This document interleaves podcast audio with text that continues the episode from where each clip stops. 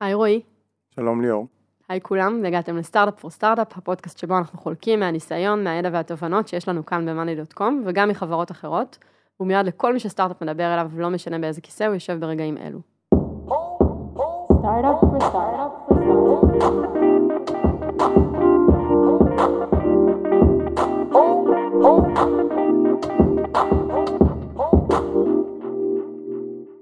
לפני שנצלול לנושא של היום, רק נזכיר לכם שיש לנו קבוצת פייסבוק שנקראת סטארט-אפ פור סטארט-אפ, שם תוכלו למצוא אותנו ואת האורחים שלנו, ומאוד נשמח לראות אתכם. פרק 46 דיברנו על האתגר וההזדמנות שאנחנו מזהים אה, בעיצוב מרחב עבודה, ועל התפקיד שעיצוב משרד ממלא בשמירה על תרבות ארגונית. התמקדנו בפרק בערכים מרכזיים ובביטוי שלהם, אבל פחות נגענו בשאלות אופרטיביות ובמה נדרש הלכה למעשה כדי לבצע שינויים והתאמות בתדירות כל כך גבוהה אה, במרחב הפיזי. אה, אז הפרק של היום, כמו כל פרק, הוא יעמוד בפני עצמו, אבל אני ממש ממליצה להאזין קודם לפרק 46 ורק אז לחזור אלינו. אז אה, למי שחזר אלינו, אה, ברוכים החוזרים. היום נתמקד בפן האופרטיבי, ובעצם בכל מה שלמדנו ממעבר של משרד שלישי בתוך פחות משלוש שנים. והקו שינחה הפעם הוא דווקא אתגרים משמעותיים ובעיות שגילינו מתוך scale. ולטובת העניין הצטרף אלינו היום אוריאל וייס, שזכור uh, לרבים מאיתנו מהפרק על ה-GDPR, שהוא ה-Head of Operations שלנו כאן ב-money.com. היי. היי אוריאל. כאילו, הכי לא קשור, GDPR ל-Facilities, אבל בכל זאת. Uh, ככה זה כשאתה Head of Operations. כנראה, אתה... כן. זה אולי לא השני הכי הזויים שלך, נכון? אם תחשוב על כנראה, קצוות יותר כנראה קיצוניים. כנראה שיש יותר קיצוניים. טוב, אז באמת ציינו כבר uh, בפרק הקודם, ואמרתי גם עכשיו, שבאמת תוך שלוש שנים עברנו שלושה משרדים, והאמת שבימים אלה ממש אתה כבר עובד על המעבר הבא שלנו. Mm-hmm. אז בואו ספר לנו על זה רגע בכמה מילים, על המעברים ועל העתיד ועל למה, למה זה נראה ככה. למה זה נראה ככה? כי זו חברה שגדלה מהר ושגדלה אקספוננציאלית, זה אומר שהאתגרים של space הם מאוד משמעותיים, גם בארץ, גם באתרים אחרים. אה, מחברה שהתחילה בדירה ברוטשילד ועברה שם ל-400 מטר בטיומקין, היום אנחנו על 3,000 ומשהו מטר במגדל סונול. נאבקים uh, כל הזמן בלמצוא עוד space בבניין, כי אנחנו גדלים uh, מהר מאוד, אנחנו כל הזמן צריכים גם לתכנן שנה ושנתיים קדימה. Uh, ועכשיו אני מקווה שיהיה לנו שקט לכמה שנים במעבר, ל... במעבר הבא, שכבר uh, הולך לתת לנו קצת רווחה מהבחינה הזאת. הולך להיות המון קומות. Uh, כן, המון. מה זה המון? אה, כרגע אנחנו מדברים על 15 קומות. שחלקם נקבל ב-day one, אה, חלקם יחכו לנו, חלקם נעשה sublease. deployment אה, חלקי כן, והדרגתי. זה, תכנון לטווח ארוך, זה, זה- לא שנקבל את הכל ב-day זאת הייתה one. הכוונה, זאת אומרת, אנחנו, המ- המטרה העיקרית הייתה לאפשר לנו להוריד את הסד הזה של עוד פעם נתקענו בלי space ועכשיו צריך להזיז דייר, או למצוא עוד קומה, או לחכות, או להצטופף במקום שאנחנו כבר לא יכולים להצטופף. מה זיהינו לצערנו כשעברנו לסונול? פה התחלנו עם קומה אחת, וזה היה נראה ענק, ומהר מאוד הבנו שזה הולך להיגמר אה, בתוך אה, פחות משנה. אה, אחרי שנה היינו צריכים כבר לקחת עוד קומה, ולקחנו אחרי זה גם עוד חצי קומה, ועכשיו אנחנו לוקחים עוד חצי קומה ועוד קומה. הכל פה מאוד מאוד מהיר, מאוד מאוד דינמי, אנחנו קצת מצאנו את עצמנו גדלים מהר מה... מכפי שיכולנו לחשוב בכלל, ו... לתוך מגבלות של בניין. כן, ואז אתה מוצא את עצמך עם תקרת זכוכית, כי הבניין הוא, הוא כבר מלא בדיירים, ואתה צריך להזיז, וזה לא פשוט מכל הבחינות. אה, וזה מאבק שהוא מאבק יומיומי, ואתה, ואת- ואחד הדברים שהיו לנו חשובים, נדבר על זה אחרי זה בהקשר של המדרגות, זה גם לא לקחת כל space שיש בבניין. אה, עשיתי את זה בעבר בח- בחברה אחרת, זה, זה יכול ממש לפורר את החברה כשאתה מפוזר על פני כל הבניין, אתה לא נפגש אפילו במעלית, כי יש high zone ו low zone, אז אפילו את ה small talk של המעלית אין לך. אה, אז היה חשוב לנו לעשות קומות רצופות, אז זה מכתיב שתי אופציות, או הקומה מלמטה או הקומה מלמעלה. אה, מה שהציב הרבה מאוד קשיים. אז את האתגר הזה ניסינו לפתור, ובעצם במשרד הבא אנחנו אמורים להיות פטורים מה, מהחשש הזה שלא יהיה לנו לאן לגדול. כן, עכשיו זה, אמרת שזה insight, זה insight לגודל שלנו, אני חושב שבהתחלה אה, זה יותר קל ויותר אה, קשה מבחינה מסוימת, כלומר אין חיזוי, כאילו היום אנחנו יודעים איך נגדל, יש תוכנית לשנתיים קדימה, אנחנו יודעים כאילו איכשהו אנחנו גם ככה קולים בערך, אז יש לנו יציבות מסוימת וכסף אה, לבוא ולתכנן רחוק. בהתחלה שלא היה לא כסף ולא את היציבות הזאתי, אז לפחות מה שיש זה את זה שהשוק פשוט יותר. כלומר, למצוא דירה שהיא פי שתיים, אז בסדר, לוקחים כמה שולחנות, כמה זה, מעבירים, ו- ו- וזה יכול להיות גם מאוד מהר. Uh, היום, לקחת את uh, כמות ההשקעה והכסף שכן שפכנו פה בשלוש קומות האלה, אה, ל- לא יודע מה, כל הפסיליטיז שיש פה, העיצוב, ה- יש פה המון השקעה. ולהגיד, טוב, כל פעם, כל שנתיים ככה למחוק את הדבר הזה, אז זה גם כואב, וגם זה מייצר חוסר יציבות לחברה, וגם אין real estate. כאילו, אנחנו צריכים לקחת עכשיו אה, חצי בניין. כמה חצי בניין יש? צריך לחשוב הרבה מראש, צריך, כאילו, אז, אז אני חושב שזה בא עם הגיל. כלומר, זה טיפ שהוא לא, טוב, תיקחו פי שתיים כשאתם תהיו קטנים. דווקא זה לא טיפ, אבל אני אומרת, התובנה בעיניי היא ש, שיש שינויים שרק אחרי שאתה מתחיל לעשות שינוי, אתה כבר מבין שאתה צריך להיערך לשינוי הבא, ו- והסקייל כל הזמן אה, דורש ממך לשאול שאלות קדימה, כן, אז ונראה לי שהטעות פה הייתה שהסתכלנו לטווח קצר מדי. אולי אם אני כן צריך לתת... אה, לקמפל את זה לתוך- לקמפל את זה לתוך אה, סטארט-אפים בהתחלה, אז אה, תבינו תמיד מה הצעד הבא ותראו מתי אתם צריכים להיערך אליו מראש. אצלנו אנחנו עשינו את זה, וזה אומר שכל פעם שעברנו משרד, שבוע אחרי זה מצאתי את עצמי הולך ורואה עוד פעם משרדים, למה? כי כל פעם צריך אה, לייצר את טיפה, הצעד טיפה הבא. אחורה בזמן, כאילו צריך יותר זמן לכל גודל שהוא גדול יותר. זה גם תהליכים, תהליכים שלוקחים זמן, אתה לא יכול ברגע, אה, כמו שרועי אמר, אתה צריך את הספייס, אתה צריך למצוא אותו, אתה צריך לחכות, אם יש שם דייר שהוא יעזוב, אתה צריך לסגור הסכם, אתה צריך לעבור, הדברים האלה לא קורים ברגע, בעיקר בסקייל, כשאנחנו מדברים על, אה, על גדלים כאלה, אז ודאי ודאי. שטחים אה, גדולים יותר זה שיפוץ גדול יותר. נכון. אז באמת, אני ככה, כשאני חושבת על הפרק הזה, הוא קצת מאחורי הקלעים של כל הערכים וכל הדברים המאוד יפים שתיארנו בפרק הקודם עם ערן ורועי. ואולי באמת נתחיל רגע מהמדרגות. כי שוב, אה, למי שלא היה כאן אף פעם במשרד, ואתם כולכם מוזמנים, אה, יש לנו מדרגות פנימיות אה, שבעצם מחברות בין שלוש קומות. יש קיר חי, נכון? קיר ירוק. קיר ירוק וחי ויפה ואמיתי, שמלווה ככה את כל המדרגות, והן לא היו כאן עד לפני כמה זמן? חצי שנה? שנה. קצת יותר? שנה כבר? וואי, הזמן טס. מה, מה נדרש? אז הסברנו למה זה חשוב לנו, ו- ואיך זה מחבר, גם אתה עכשיו נתת ככה את הנגיעה של איך זה מחבר בין קומות. מה נדרש בפועל אה, אופרטיבית כדי לגרום לדבר הזה לקרות? איך מדברים- מחליטים שהולכים על זה? זה נשמע יקר, זה נשמע מורכב, זה, זה יקר תקדימי? ומורכב, אני חושב שהvalue של המדרגות הוא שווה, הוא אחד- אחד, הדברים, ROI עם, אה, עם, עם ROI הכי גבוה שעשינו. אה, זה נראה טריוויאלי וזה נראה, אוקיי, מדרגות, יש פה מדרגות, יש שני פירים של מדרגות בבניין דרך אגב, גם בלי, כמה, כמה עלו המדרגות? זה כבר כאילו שאלה כזאת שעולה לי בראש. כמה בוא עלו. המדרגות? הם כמה עלו חצי מיליון שקל אה, על, אה, שלוש, על פני שלוש קומות. המדרגות האלה הן לא מדרגות טכניות, זאת אומרת, זה לא, יש, יש מדרגות בבניין, אפשר לצאת דלת, להיכנס למדרגות מאזור המעליות ולרדת למטה. ארבע דלתות. ארבע דלתות, נכון? ופה מתחילה הבעיה, כמה קל לעבור לך בין קומות וכמה אתה חושב, אה, כשאתה צריך לעבור לקומה, כמה אתה צריך לחשוב אם זה שווה את זה או לא. זה לצאת, זה, זה לפתוח דלת, להיכנס חזרה לחדר מדרגות, לצאת ממנו, להיכנס חזרה למשרד. אם אתה רוצה לרדת שתי קומות, אולי בכלל תיקח מעלית, ואז תחכה שהמעלית תגיע וכולי. אה, בין זה שאתה פשוט הולך במשרד ואתה הולך ומגיע לשם, זה שבאמצע יש מדרגות זה, זה, זה המשך של ההליכה שלך, אתה, זה, זה כבר כאילו זה היה קומה אחת. אה, זה מייצר אווירה של משרד אחד, אה, יצא לנו להיות אה, שלושה חודשים בלי המדרגות האלה, עם שתי קומות, קומה 11 ו-13, ההבדל הוא הבדל של 180 מעלות. כמה זמן מראש מתכננים פרויקט כזה? כמה חודשים טובים. זה גם דורש, היה, דורש פה לפתוח מדרגות, זה לנסר בבטון, זה הרבה מאוד תכנון של הרבה מאוד אישורים, מהנדסים, קונסטרוקציה, זה כמה חודשים טובים. החלטה להוציא על זה חצי מיליון שקל היא, היא טריו... כאילו, איך זה קורה? דווקא בנקודה הזאת זה היה ברור, אני חושב, לכולנו, לא היה מישהו אחד שכאילו אמר, רגע, זה, זה, זה היה ברור את ה value של זה, כלומר, אנחנו משקיעים כל כך הרבה באנשים, כל כך הרבה בכל השאר, כן? זה ככה, הצ'ופצ'יק on top, כאילו, הסכום הזה, לעומת זה שלא יהיה תקשורת בחברה. עכשיו, ברגע שזה היה ברור לכולם, לא היה, אני לא חושב שדיברנו על זה כמעט פעם אחת, אכן. כאילו... זה פשוט היה ברור מאליו. אוקיי. עד לרמה שהתחלנו לחפש משרדים אחרים, כש, כשלא היה ברור אם אפשר לעשות פה מדרגות או לא, שהתחלנו לחפש אלטרנטיבות. שזה יהיה איזשהו כן. deal breaker, כן. במובן הזה. כן. אוקיי, אז זה היה קל. איפה, איפה זה לא קל, ברמה האופרטיבית, לקבל החלטה שכן? אז יש החלטות שבהן אה, אתה צריך לשלם איזשהו מחיר, שהוא מחיר אה, אופרטיבי, כדי לממש איזשהו אה, חזון שקשור יותר לערכים, או למה שאנחנו רוצים להשיג פה בתוך המשרד.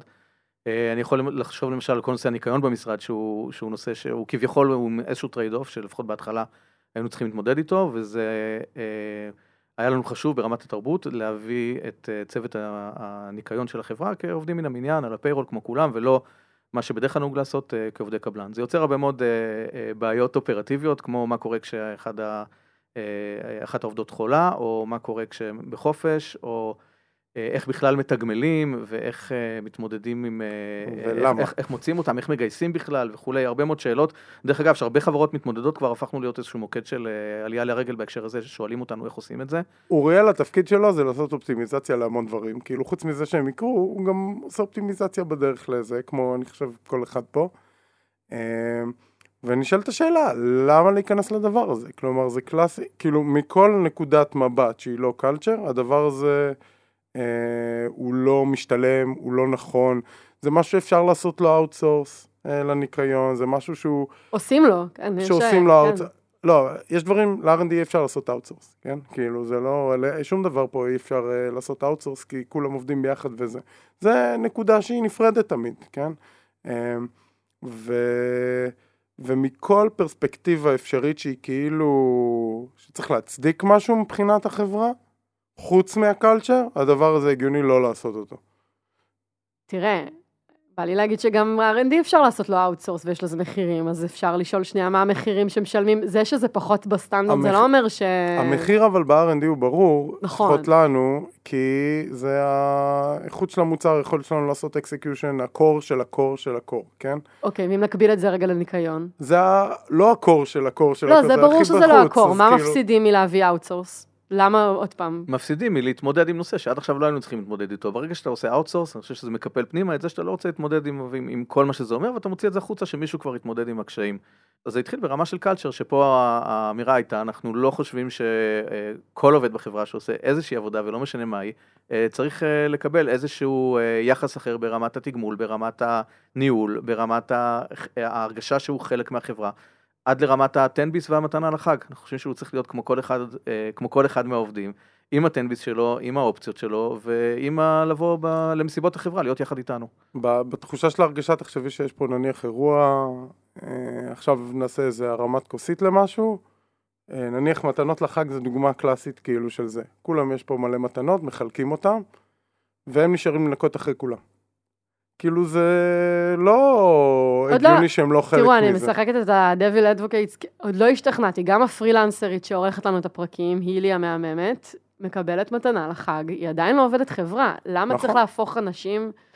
מה מה האינסנטיב התחושה שלנו? של, זה חלק מהערכים של החברה זה inclusion, גם דיברנו על זה אני חושב בפרק הקודם, שכאילו גם השקיפות וגם הכל. וזה inclusion, אז inclusion בהצלחה, inclusion בזה שאני לא מרגיש שיש מישהו שנניח הרבה מהחברות קבלן האלה, כן, אני לא יודע איך הם מתגמלים את העובדים, כמה, איך הם מתייחסים אליהם. כאילו זה מפריע לי לבוא ולראות את זה בבוקר, מישהו שאני שואל את עצמי, רגע, איך הוא מתוגמל, ואני יוצר את זה, ולמה? אז כאילו כל שאר האנשים שמסתובבים פה, אתה יודע איך הם מתוגמלים, ואתה יודע שהם מתוגמלים בהתאם, ואז יש את הדמות הזאת שמסתובבת ואין לך על זה לא שליטה ואני יודע ולא... שההצלחה של, שלנו היא משותפת, בסדר? ו, והם פה.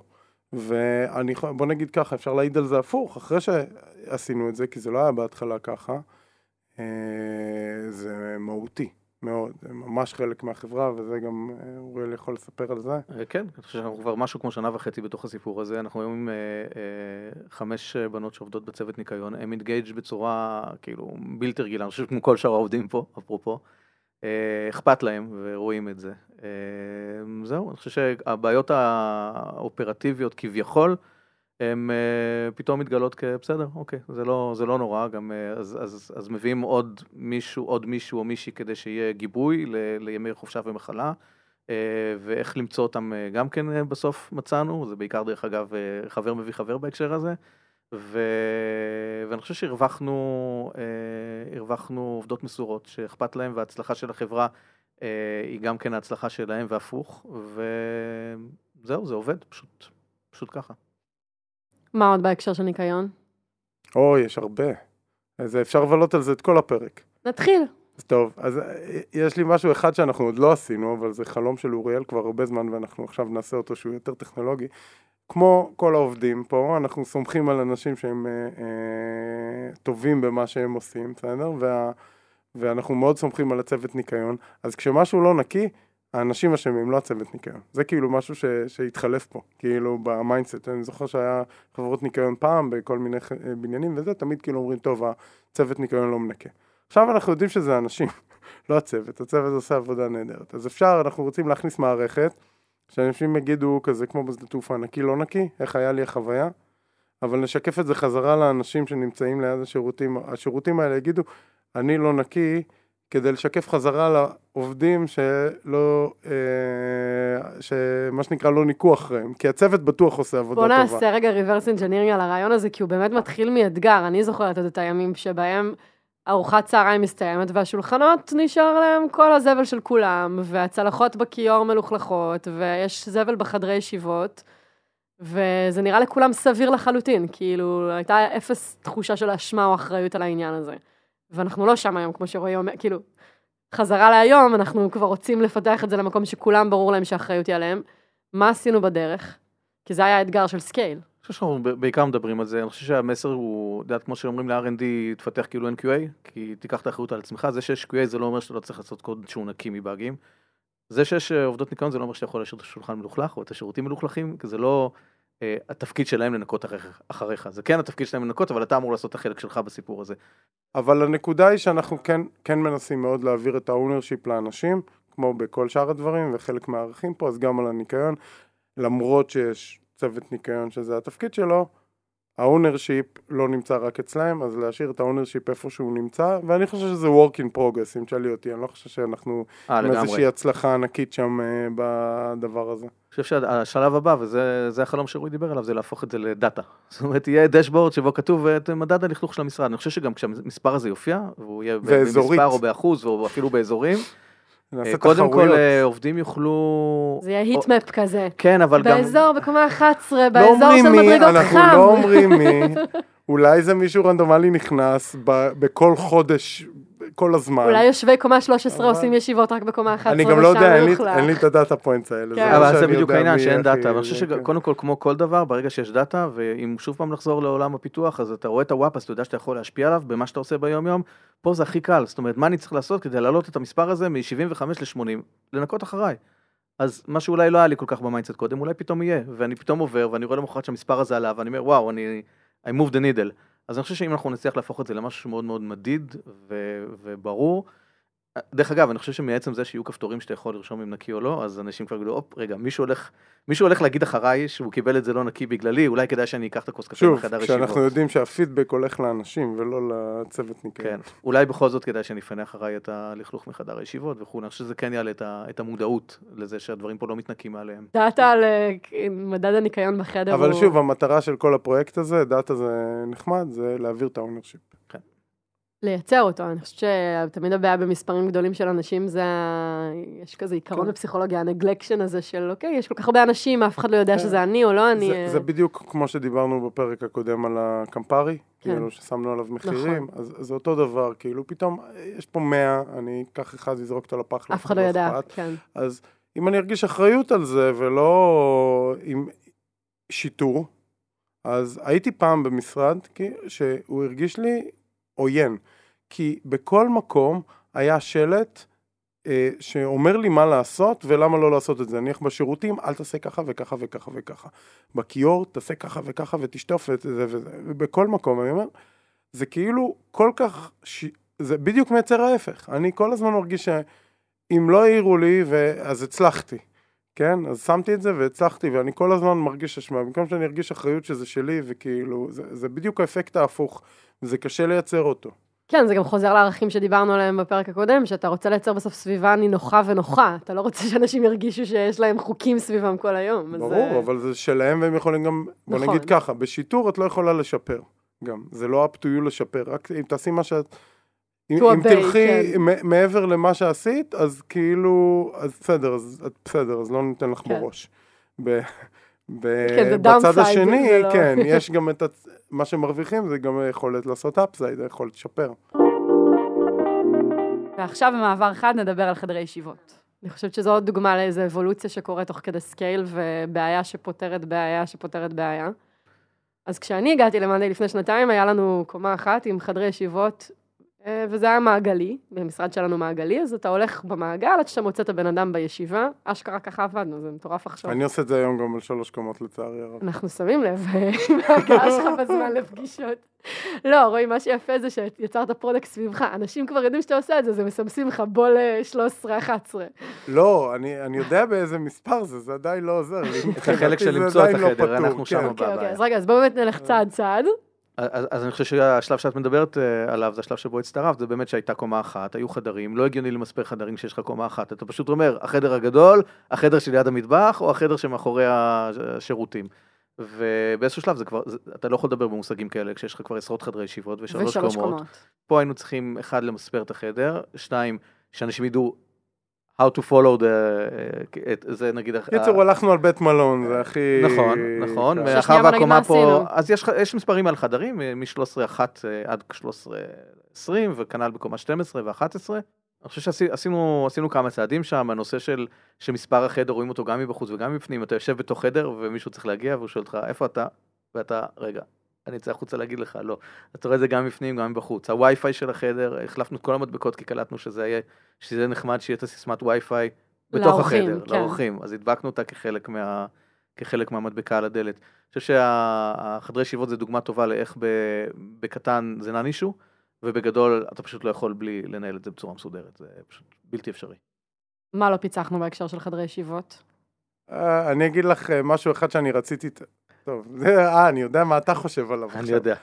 יש את הקטע הטכנולוגי הזה. רגע, עכשיו אתה מספר על מה שאתה חושב או על מה לא, לא, לא, חשב? זה אישו פה, וכל מי שיאזין לפרק יתחבר אליו מאוד. זה קרוב ל- לבעיית פיצוח האטום.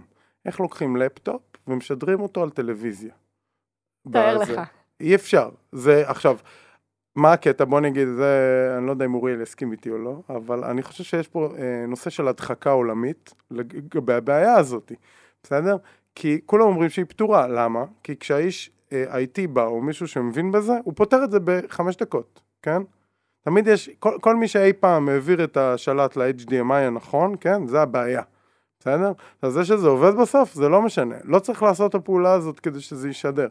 עכשיו, כל ישיבה פה עדיין, כל ישיבה שאני נמצא בה, ולצערי התפקיד שלי להיות בהמון ישיבות, חמש דקות ראשונות לנסות לשדר את ה... אה, אם לא יותר, את הלפטופ לזה, ואוריאל עשה פה סלטות באוויר, אני חושב, כדי לפתור את הבעיה הזאתי, אבל זו בעיה באמת קשה.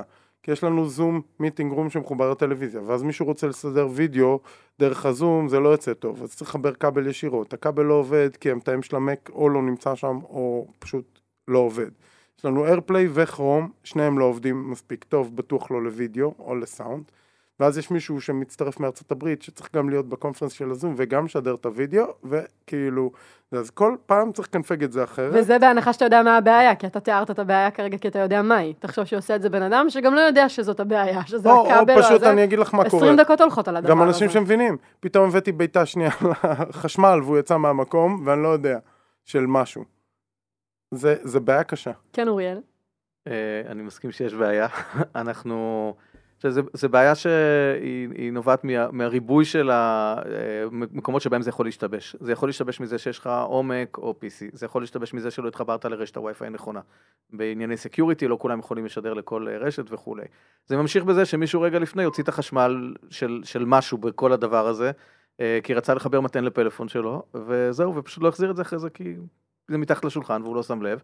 וזה כל כך הרבה דברים יכולים להשתבש בדרך, שלמרות שזה תיאורטית אמור להיות plug and play, AirPlay כשהוא עובד הוא עובד בסדר, זום כשעובד עובד בסדר, יש יותר מדי דברים שיכולים להשתבש בדרך, ואנחנו עוד לא במקום שבו יש לנו bulletproof אפשר שתמיד אבל לצאת יעבוד. בהצהרה עכשיו, שאנחנו, אה, וזה ל- ל- למיכאל, ה maker שלנו. כן, זה, אז יש לנו maker רוצים, בחברה. יש לנו maker בחברה שהוא אחראי על כל הפלאים הטכנולוגיים אה, שהרבה אנשים עושים פה דווקא, אה, בתוך המשרד, שאנחנו רוצים לפתור את הבעיה הזאת. זו בעיה שהיא אמיתית, כמו שיש לנו vision שדיברנו עליו מקודם של אין פה עמדת קבלה, אז לי אישית יש אה, מטרה, זה שלא צריך לשריין איש IT שיבוא לחבר אה, לפטופ למסך, שכל אחד יכול לעשות את זה, ליבריישן. democratization of laptop to זה. כן. אז אנחנו הולכים לפתור את הבעיה הזאת. אה, לא, חשוב להגיד שיש פתרונות, אנחנו כן צריכים לראות איך אנחנו עושים אותם אה, נכון. אה, ניב, שמנהל אצלנו את ה-IT, הוא עדיין אה, אה, גם לא הרים ידיים בהקשר הזה, אנחנו עושים עכשיו כל מיני פיילוטים בהקשר הזה, שכן אמורים לפתור את העניין הזה של... זה נשמע אה, כמו הדובר של ניב כרגע. אז אה, זה אצלו, זה אצלו, ואני מקווה שעד שנקליט אה, פרק הבא נוכל כבר להגיד שלפחות פתרנו חלק מזה. כן, אפשר גם להגיד עוד נקודה של החדרי ישיבות, שכאילו היא, מה שנקרא, לא פתורה עדיין מספיק טוב, כי זה לא פשוט, גם, גם תרבותית. זה, אני רציתי להכניס מערכת שמקליטה את כל החדרי ישיבות כל הזמן. כל ישיבה, שבוא נגיד זה יהיה וולונטרי, כן?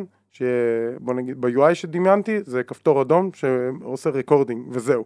ואז זה מקליט את זה, שם את זה איפשהו בענן, כולם יכולים to access it. למה? מישהו לא היה בישיבה, רוצים פידבק, רוצים זה. באמצע הישיבה קולטים שמדברים על משהו שהיה שווה להקליט אותו, ואז כן, מאוחר מדי. כן, בדיוק, ו- ו- וכאלה וכאלה. אה, עשינו את זה, עשינו כמה טסטים כאלה.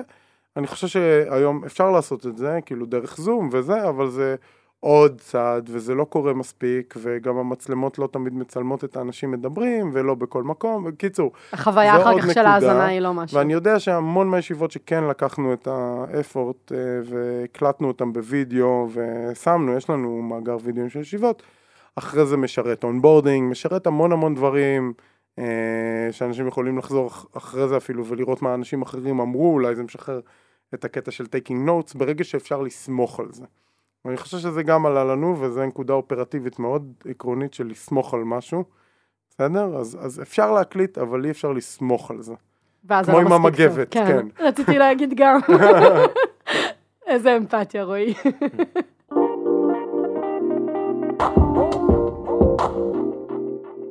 אוריאל, עוד, אה, יש עוד דוגמאות לדברים ככה שנגענו בהם שמבחינת קלצ'ר הם מאוד חשובים, אבל מבחינה אופרטיבית הם ממש לא מובנים מאליהם?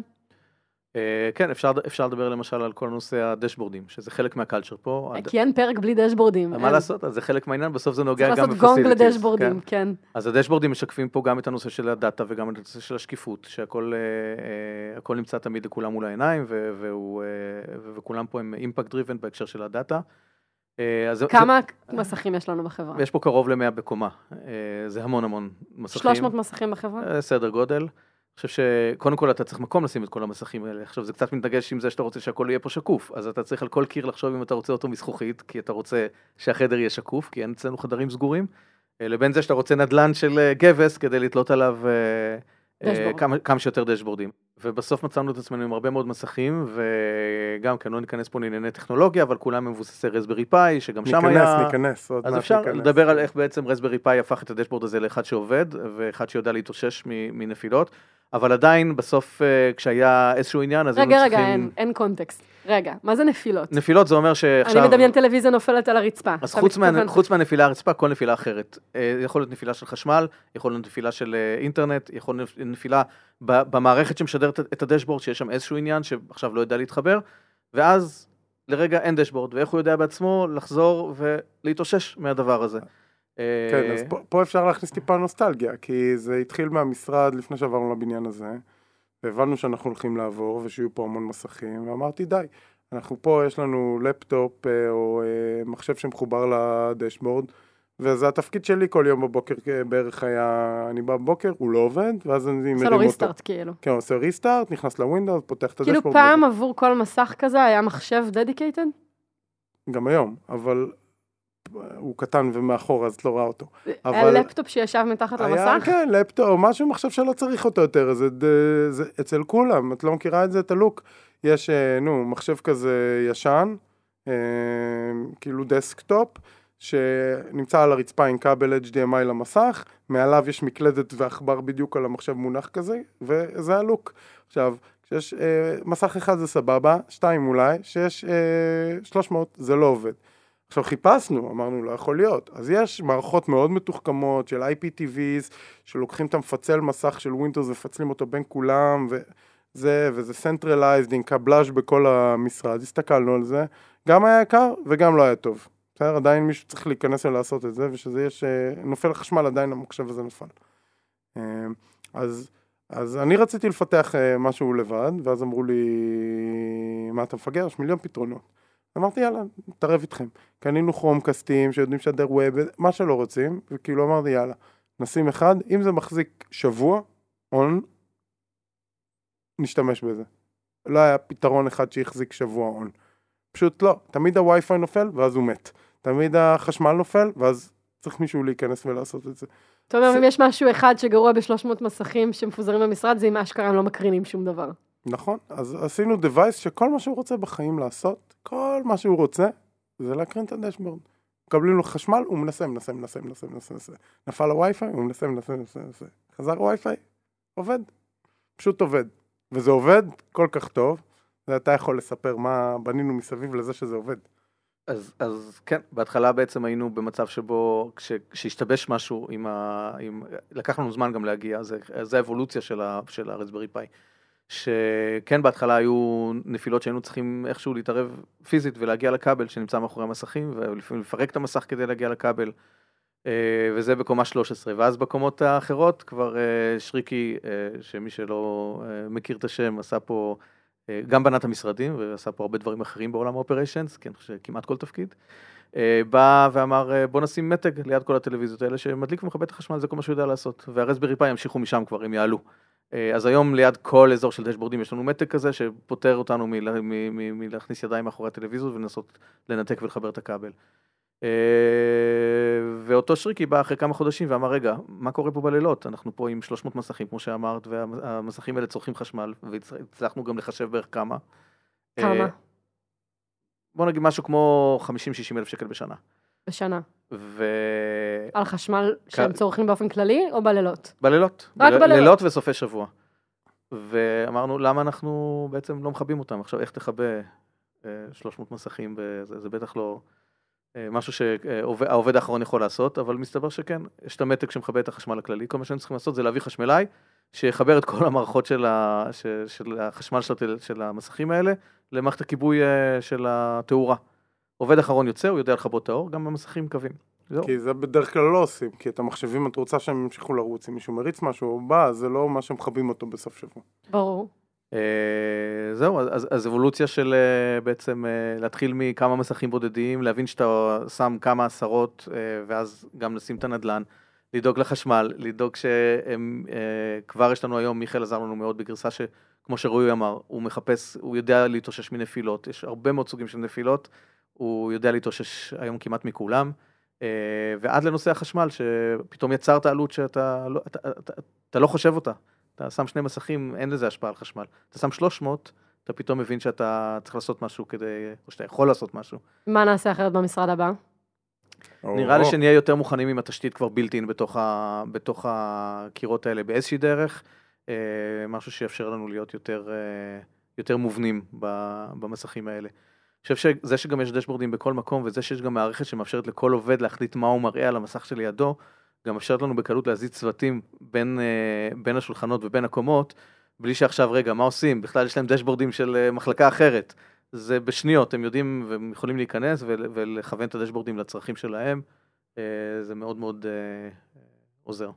זה נקודת האמת שלא חשבתי עליה עד עכשיו, כי זה פשוט מאוד אנחנו, אבל אנחנו מדברים כל מיני אדריכלים וכל מיני אנשים למשרד הבא, פתאום מראים דברים שהם עשו, ומשהו בסיסי זה בתכנון של משרד, זה איפה ה-R&D יישב, איפה זה יישב. לנו אין את היכולת הזאת, אז אה, כי ה-R&D גדל, הכל גדל פה כל הזמן ויש המון, המבנה שלנו הוא דינמי כזה שזז, אני חושב שהמון מהאופרציה הולך ללבנות דברים שזזים, כלומר, אה, הדשבורדים זה נקודה אחת, אבל אה, השולחנות שלכולם יש את אותם שולחנות. אה, אפילו אם נעשה דברים אקוסטיים למקומות כמו הסיילס שהם יותר רועשים אז אנחנו נזיז אותם, אז כאילו יש פה מלא מלא פינות לתוך הדרישה הזאת שהיא מאוד לא מקלה על החיים. זה אחד, אחד כן. האתגרים, לא רק אקוסטיקה, בכלל, האתגר, האתגר הזה של חברה שגדלה והצוותים גדלים בקצבים שונים, ופתאום אתה צריך להזיז צוות, כי המקום שלו כבר לא מתאים לגודל של, ה, לגודל של הצוות, ואיך אתה עושה את זה בלי ש... מינימום בעצם פגיעה ב, ב, בשגרה ובצוות. אז זה באמת שיש פה שולחנות זהים לכולם, זה גם ברמת המסר דרך אגב. זה אומר שולחן הוא שולחן הוא שולחן. אני לא נקשר לשולחן שלי, אין לי את השולחן המפונפן שלי, או בפינה, או, או אתה עובר שולחן, זה בסדר, אתה תקבל בדיוק את אותה סביבת עבודה, הדשבורדים משרתים את, את אותה מטרה בדיוק. Uh, האתגר הוא איך, uh, איך הופכים את הכל לכזה גמיש, כי יש מחלקות שצריכות אה, יותר בוטים, מחלקות שצריכות יותר חדרי ישיבות גדולים, אה, זה גם נושא שאנחנו מתמודדים איתו. אני צריך לפתור אותו גם לקראת המשרד הבא. יש דברים שאתה מסתכל עליהם היום שמאתגרים, ואתה אומר, אני במשרד הזה כבר לא אפתור אותם? יש את הנושא של העמדות עבודה עצמם, זאת אומרת, עד היום עשינו, וזה היה חשוב וזה עובד, יש בנצ'ים של שש עמדות לאורך כל המשרד, איך אנחנו כן יוצרים בכל זאת באזור של open space שעובד לנו טוב, את היכולת ליצור את הסביבה שהיא קצת יותר אינטימית, קצת יותר אישית. הלכנו עם זה על, על הקצה, זאת אומרת, יש פה ממש רצף של עמדות. זה יוצר... עכשיו שאנחנו היום. fully packed, אז כאילו כבר, אז כל הסלונים הקטנים שפיזרנו באמצע, וזה הכל ככה מתחיל להצטמצם כי אין מקום. נכון, ו- ומה שאפשר לעשות כשאתה ברווחה, ובעיקר מחלקות שהן יותר רועשות, לדוגמה Sales ו-Customer Success, אז אתה יכול ברווחה לשים רק ארבעה עובדים בשולחן ולא שישה. ואולי לתת להם יותר שולחנות ממה שהם צריכים כדי שיתרווחו. אה, כשאתה מתחיל להגיע ללאאוט, אפילו הלא צפוף, אלא הלאאוט הרגיל, אה, אז אנחנו צריכים שה layout יתמוך גם במחלקות האלה, ברמת היכולת שלהם לעבוד, אה, היכולת שלהם, כל נושא האקוסטיקה, אקוסטיקה בנוי דרך אגב משני נושאים שונים, שאחד זה אקוסטיקה והשני זה הרעש, זה שני דברים שונים, זאת אומרת, אתה יכול לפתור אקוסטיקה עם אריחים אקוסטיים או עם, עם, עם חומרים אקוסטיים ברצפה, בתקרה ובקירות, אבל הרעש שם, זאת אומרת כש-20 אנשי sales עושים שיחת טלפון, הרעש הוא קיים, צריך לראות איך מתמודדים איתו גם. ו- וזו נקודה ממש טובה ל- להגיד את הגישה שלנו, אני חושב, לאופריישן, וזה כאילו מהמקום שלי להגיד, שתמיד יש טיעון ללמה לא לעשות משהו, בסדר? זה, זה אף אחד שאת תלכי, תגידי לו איך לעשות צוות סיילס, כאילו את האקוסטיקה, או...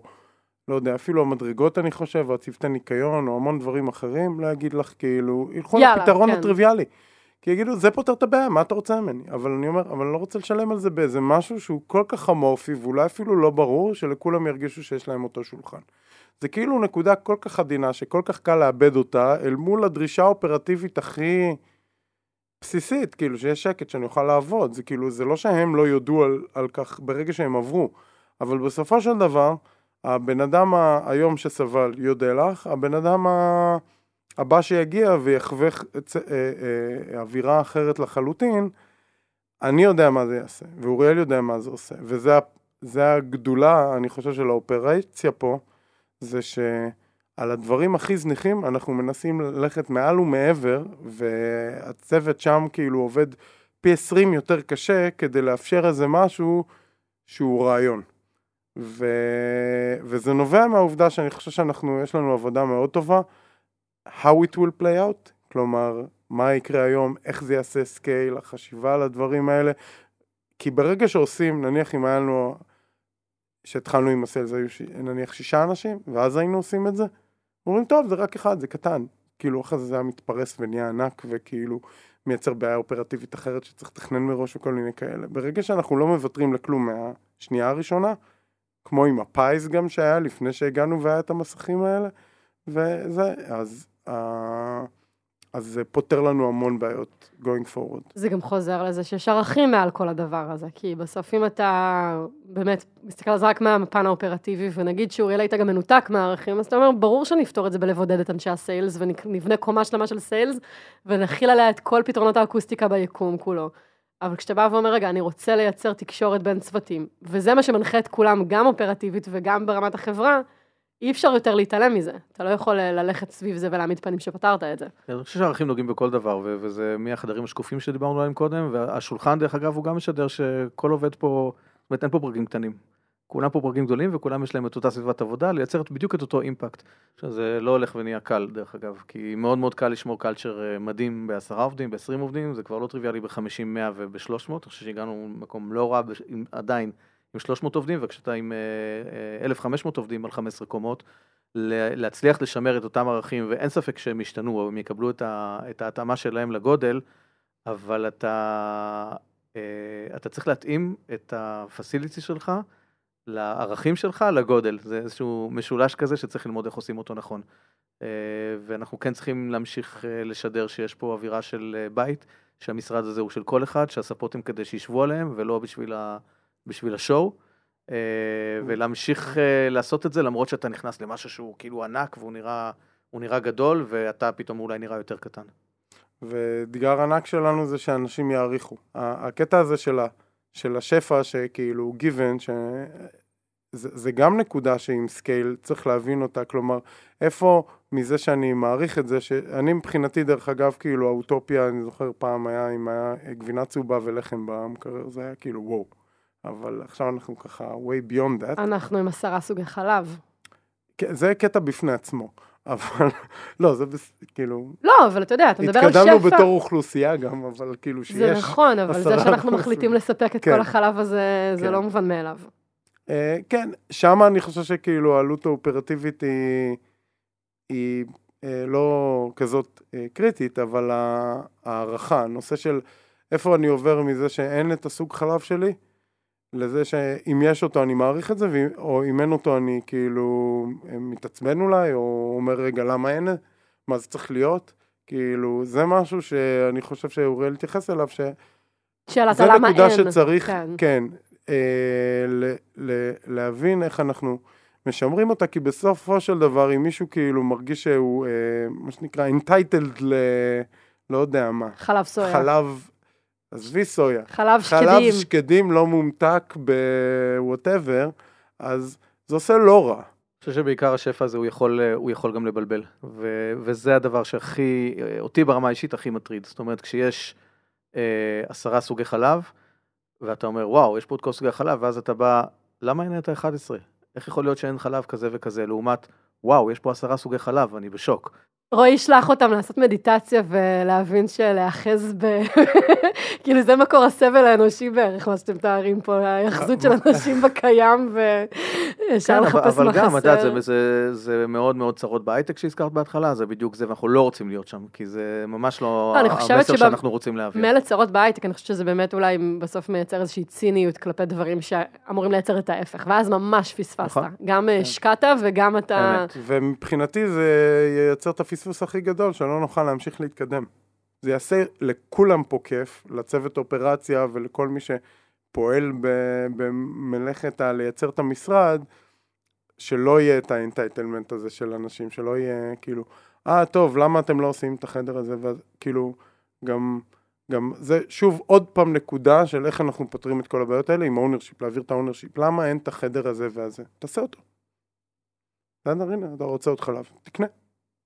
כאילו, למה זה הבעיה שלי, מה שהצד השני רוצה? כן. ואיפה הגבול הזה עובר? אני חושב שזה שאלות אה, ש, שאוריאל מתעסק איתן כל הזמן, והן נוגעות בכל דבר פה, ו, אה, ואנחנו כן במצב מאוד מאוד טוב, בסדר? כלומר, מבחינת איפה שאני מרגיש שאנחנו יכולים להתקדם קדימה, כי הצלחנו בהמון מקומות להעביר את ה ownership, ואני חושב שההתעסקות היומיומית שלנו, ה- באמת, היא יומיומית שלי ושל אוריאל ושל כל הצוות שם, וגם של ערן, המון דיונים, וגם רותם, אה, זה איך אנחנו לוקחים את הצעד הבא, אבל כן מעבירים את ה ownership כדי שאנשים יעריכו ושזה יהיה שלהם ושהם לא יבואו בציפייה ל...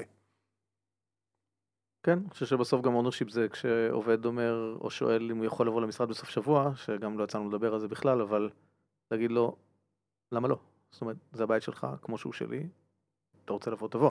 ברמה ו- שכאילו אתה לא צריך לשאול. כן. אז זה לא, ביקשתי אישור וקיבלתי. זה, אתה רוצה לבוא למשרד, תבוא. אתה רוצה לבוא לחדר כושר, תבוא. אתה רוצה לבוא עם כמה חברים אה, לקולנוע, תבוא. אה, אני חושב שזה זה, זה הבסיס של, זה המשרד שלנו, ולא של מישהו פה. מישהו מעביר משרד בפעם הראשונה. מה היית אומר לו, אוריאל? על המעברים, וואו, לא דיברנו בכלל על המעברים, זה פרויקט בפני עצמו. אה, לחשוב, לחשוב, לחשוב. אני חושב שרועי דיבר על זה בפרק הקודם, על הנושא של ה... אנחנו עושים כבר כמה ישיבות טובות על המשרד החדש, ואנחנו עדיין תקועים כביכול על הערכים. אה, אני חושב שהרבה מהערכים של החברה משתקפים פה בתוך מה שאנחנו עושים ב facilities. אה, החל מצורת הישיבה, חדרי ישיבות אל מול, חדרי, חדרים אל מול open space, אל זה שהחדרים שקופים, אל זה שהשולחנות אה, הם אותם שולחנות, על סוג הריהוט שאנחנו בוחרים, על, ה, על ה, זה שאנחנו מאוד לא show off, או יכולים להיות show off דווקא במקומות המפתיעים, כמו חדרי שירותים למשל, אבל לא בכניסה. אה, זה מאוד מאוד, מי שכבר מכיר ויודע את הערכים, המשרד מאוד, יש הלימה מאוד מאוד גדולה בין איך נראה המשרד לבין מה אנחנו מאמינים בו כחברה. אה, אז אני חושב שכל חברה עם הערכים שלה צריכה לחשוב מה, איך היא רוצה שהמשרד שלה תראה, ולהבין שבסוף הדברים האלה הם מייצרים אווירה, יש להם המון המון משמעות, אה, והחברה משתקפת דרך הפסיליטיז שלה. כלומר, אי אפשר לחשוב על זה יותר מדי. אי אפשר פעם להשקיע לא. בזה יותר מדי פעם מחשבה. לא, זה עוד ועוד ועוד, כאילו, אין לזה סוף. ודרך אגב, גם אנחנו, אני חושב שאנחנו בתהליך של אה, למידה כל הזמן, המס...